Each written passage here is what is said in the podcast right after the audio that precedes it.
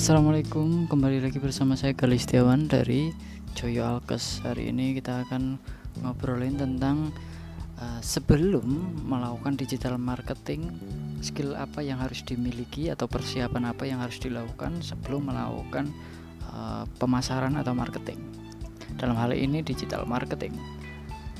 Skill pertama atau kegiatan pertama atau ke kemampuan yang harus dimiliki adalah riset jadi sebelum melakukan yang namanya uh, kegiatan marketing riset dulu.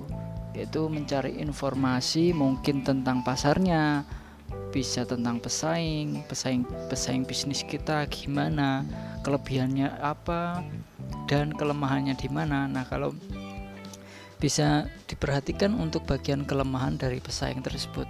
Dan juga dari sana kita bisa melakukan uh, apa namanya uh, memposisikan diri apa positioning brand kita di mana agar dapat bersaing atau dapat menyaingi pesaing bisnis kita tersebut. Dan yang ketiga tentunya fokus pada customer. Karena bisnis ini bisnis dalam semua hal itu adalah memuaskan customer memenuhi kebutuhan customer, melayani kebutuhan customer. Yang berarti riset riset adalah skill yang harus dilakukan, ya skill hari yang harus dimiliki dan juga harus dilakukan sebelum melakukan strategi marketing. Kalau udah riset, udah mengetahui pasarnya gimana, pesaing kita kayak gimana, dan juga customer kita seperti apa, mungkin uh, range umurnya, range umur customer kita. Nah dari sana kan kita bisa melakukan uh, kegiatan marketing yang pas sesuai dengan customer kita, sesuai dengan pesaing kita dan juga sesuai dengan pasar yang kita sepasa, sasar. Yang kedua adalah planning dan budgeting. Jadi setelah kita melihat ini kan tadi kan riset ya, riset kan dari faktor eksternal. Kalau udah faktor eksternal kita ketahui yaitu pasar, pesaing dan dan customer, lalu kita dari sana dari riset itu kita plan kan uh, umpamanya target pasar kita untuk anak kecil ya. Umpamanya umur balita lah mungkin balita.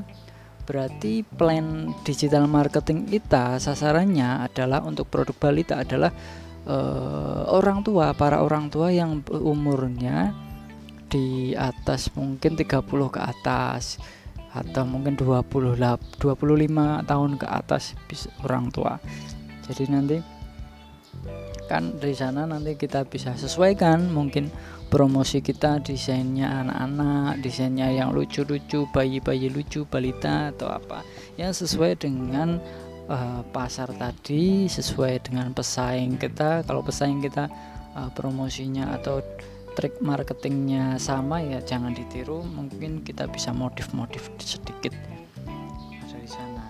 Dan juga tentunya budgeting budgeting sesuai dengan kemampuan dari diri kita kemampuan dari bisnis kita apakah mampu atau budgeting yang realistis dari dari plan disesuaikan dengan budget. Dari budget disesuaikan dengan plan yang akan dilakukan sehingga kan nanti sesuai dengan sumber daya yang kita punya tool yang kita punya dimaksimalkan sehingga mencapai mm, target yang telah ditentukan di dalam planning tersebut. Jadi planning ini nanti isinya uh, langkah-langkahnya kayak apa dan targetnya seperti apa. Dan tentunya tentukan target marketing yang realistis nggak nggak terlalu muluk lah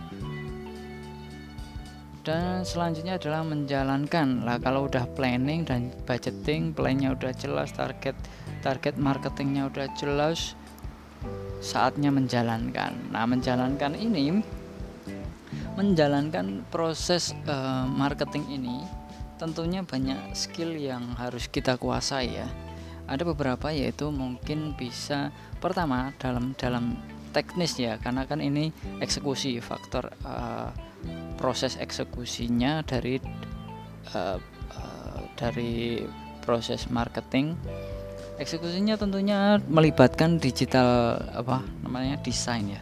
Grafik desain video marketing video desain habis itu kalau kalau konten konten promosi atau konten marketingnya udah dibuat lalu kita memikirkan mem memasarkan mengiklankan konten tersebut. Jadi skill-skill yang dibutuhkan pada untuk eksekusi dari strategi yang telah dibuat yakni paid ads yaitu kemampuan untuk ngiklan ya. Karena kan nggak semua orang bisa ngiklan jadi dipelajari dulu bagaimana cara ngiklannya baik biar ngiklannya lebih optimal lebih tepat sasaran caranya gimana itu. Dan juga tentunya kemampuan analisa.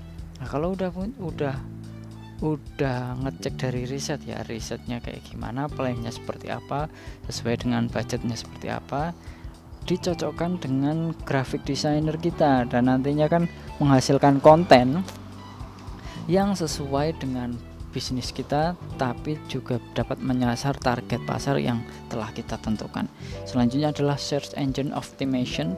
Dan nanti marketing jadi kita memasarkan produk menggunakan search engine nanti keyword tertentu bisa dapat dengan keyword tertentu nanti dari Google bisa langsung masuk ke website kita atau sosial media kita.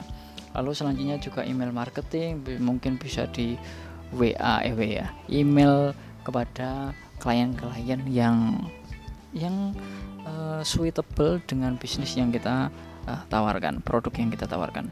Copywriting tentunya konten membutuhkan teks, caption, caption dan juga kata-kata promosi yang menarik ya. Sehingga copywriting atau kemampuan menulis juga dibutuhkan untuk melakukan strategi marketing atau strategi pemasaran. Selanjutnya adalah analisa. Nah, kalau udah melakukan eksekusi habis itu kan saatnya kita uh, ngecek lagi dianalisa lagi. Sebenarnya uh, proses marketing kita itu udah bener apa belum? Udah sesuai target apa belum? Uh, dan juga mungkin apa yang bisa diperbaiki uh, kalau kalau kalau mau diperbaiki caranya gimana? Kalau kalau bagus cara bagaimana cara mempertahankan uh, strategi marketing yang telah kita tentukan sebelumnya. Nah, dan yang terakhir adalah tingkatkan dan perbaiki. Kalau masih jelek proses marketing nggak nggak menghasilkan sales yang optimal, ya berarti kita perbaiki. Harus kalau udah bagus, ya berarti nanti harus terus kita tingkatkan agar menjangkau pasar yang lebih besar. Oke, gitu aja. Terima kasih. Sampai jumpa. Assalamualaikum.